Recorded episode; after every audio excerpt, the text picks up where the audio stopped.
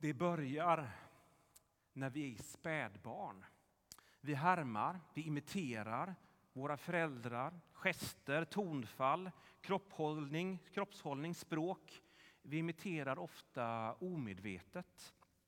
Men det slutar inte när vi har fyllt 18, 25 eller 50. Idag finns det en hel industri eh, genom sociala medier där vi följer olika personer. Och nu heter det oblygt att någon är en influencer. Någon som sätter avtryck för vad som är mode, rätt, snyggt och coolt.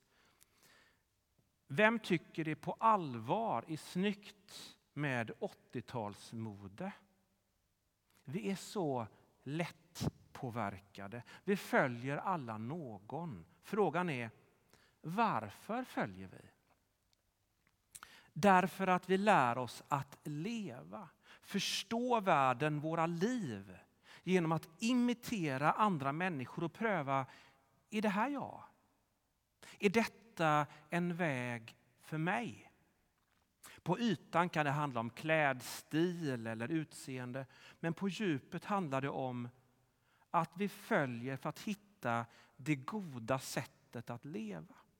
För att vi ska få finna liv, finna vägen till den glädje som vi på djupet längtar efter. En influencer, en förebild, någon som jag följer via Instagram eller Youtube får en herdefunktion i mitt liv. Om jag följer Bianca Ingrosso så kommunicerar hon bara genom sin uppenbarelse och livsstil vad som är viktigt för att bli lycklig i livet. Skönhet, att vara berömd och pengar för att kunna köpa allt det där som vi vill ha. Hon säger kanske inte detta med ord, men hon kommunicerar detta. Och jag vill bli som hon och för att få det hon har för att få liv. Jag följer för att få liv. Hur leds vi av hedarna, de vi lyssnar till, de vi tar intryck av, de vi följer? De vi lyssnar till, den vars röster vi tar in, formar övertygelser om var och hur man finner det goda livet. Övertygelser är inte det som vi säger att vi tror på. Värderingar som vi säger att vi står upp för. Övertygelser är de självklara utgångspunkter som vi har om hur vi upplever att hela vår tillvaro är. Om jag deep down är övertygad om att livet och den verkliga glädjen finns när jag blir framgångsrik, får makt, blir rik, lyckas, klara mig själv eller målar upp en bild av lycka för andra. Då kommer jag att söka detta oavsett vad jag säger eller tänker med min tanke att jag tror på. Solidaritet, människors lika värde, Jesus eller något annat. Våra verkliga övertygelser är både riktningen och motorn i vårt liv.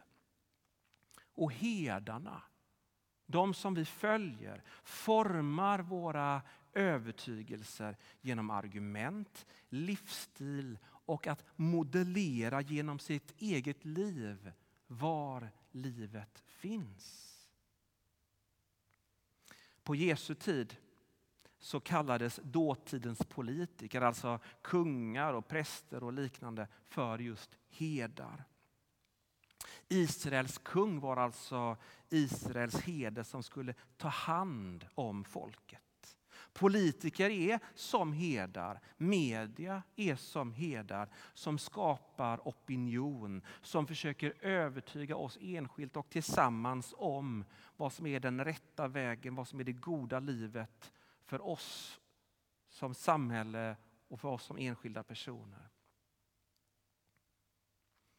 Vem vi följer på det personliga planet och som ledare och politiker är på liv och på död. Det är på liv och död om vi lyssnar till Cannons konspirationsteorier och stormar Capitol Hill. Det är på liv och död om vi lyssnar på dem som säger att det finns ett mikrochips i någon av våra vaccin. Det är på liv och död.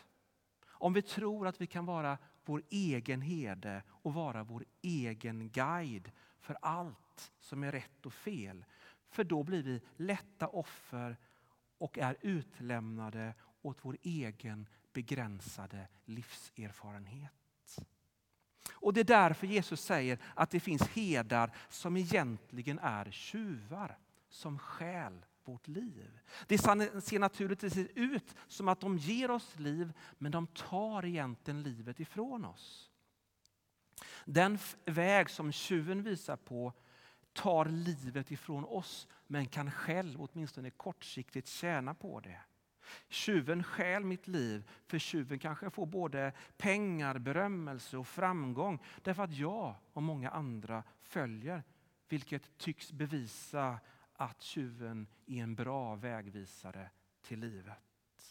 Men råden, värderingarna och övertygelserna som förmedlas gör livet bara tommare och tommare. Även tjuven blir egentligen tommare och tommare och därför så måste en fasad hållas upp så att det ser bra ut. Annars förlorar ju tjuven sina följare. Leendet stramas som en munkavle bakom allt för stora läppar. Jesus är den gode heden. Jesus sitter inte på mottagarsidan av kassaflödet tryckt bakom kameran där annonsintäkterna flödar in och materialiserar sig framför kameran till ännu ett inlägg med moderiktiga kläder, blekta tänder i en designlägenhet någonstans på Djursholm. Jesus känner sina får. Han känner dig vid namn. Han är den som ger sitt liv till oss, till dig, inte tvärtom. Och Jesus leder genom att vara personligt involverad, närvarande i ditt och mitt liv. Han gör det bokstavligen. Jesus är Gud som blir människa, som får kropp för att dela våra liv mitt i all dess härlighet och förfärlighet. Han känner dig från insidan. För han delar ditt liv.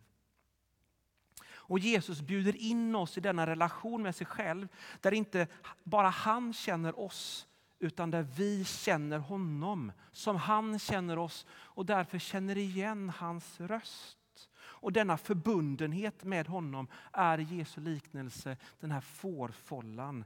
Jesus är inte bara heden, han är dörren in i denna tvåsamhet, denna gemenskap med honom. Ofta är det så att det är först när vi upptäcker att de övertygelser som vi hittills haft inte leder till liv och inte längre fungerar som vi vaknar upp Livet gör så ont, jag hittar inte vägen. Jag har lyssnat till många guider, röster, tjuvar som snarare har tagit livet ifrån mig än gett det till mig. Vi har med glittrande ögon sett på dem som ser så lyckliga ut i sin framgång, skönhet och styrka. Och så har vi krossats mot de obarmhärtiga ideal som blivit förgörande övertygelser som styr våra liv från livets källarvåning. Och Det är ofta där som vi inser det uppenbara. Jag kan inte vara min egen herde. Jag behöver bli ledd av någon som älskar mig och förstår mig och förstår det mänskliga livet långt bättre än vad jag gör. Och Jesus håller ut sin herdehand och säger Jag är dörren in i livets tvåsamhet med mig. Och han frågar, får jag idag vara din herde? Vill du låta mig leda dig genom livet? Och jag lovar dig, jag ska aldrig svika dig eller överge dig. Jag har kommit för att ge dig liv och liv i överflöd. Jesus övertygar oss inte genom att, genom att le lyckligt in i en kamera och se cool och framgångsrik ut. Han böjer sig ner, han tvättar våra fötter, han helar de sjuka, han upprättar de brutna, han hänger söndertorterad på ett kors för att, för att bära din och min skuld. Jesus skapar nya övertygelser och ger därmed vårt liv ny riktning och ny kraft genom att ge sig själv för oss i självuppoffrande kärlek. Och det är genom att ta emot hans kärlek som vi får en, ny, som vi får en erfarenhet och därmed en ny övertygelse om var det goda livet finns. Nämligen när vi imiterar, när vi följer och blir allt mer lika honom. Det är så han leder oss. Till sist, hur lyssnar vi till Jesus? Ja, hur lyssnar vi till våra influencers, våra idoler och våra politiker? Jo, genom att vi ger dem vår uppmärksamhet. Idag kan unga människor ägna timmar i veckan, många timmar, genom att betrakta sina influencers där de shoppar, festar, äter, gör allt mellan himmel och jord. De, de ser och tar in och tar över, varken de vill eller inte, de övertygelser som de man följer har. Gör samma sak med Jesus. Läs evangelierna. Läs mycket. Det tar en timme att läsa igenom Markus evangelium från början till slut. Läs in, enskilda berättelser. Läs dem så många gånger så att du kan varje detalj utan till och kan se Jesus framför er så att han målas för era ögon. Och till skillnad från personerna på Instagram och Youtube så kan vi få direktkontakt samtala med världshistoriens mest framgångsrika influenser som illustrerat civilisationer och miljarder människor, men aldrig för att få egen vinning. Han lever inte av dina klick. Han ger klick till dig. För dig utgiven, för dig utgjutet. Vi kan lägga på den sista bilden bara som en liten eh, rolig avslutning.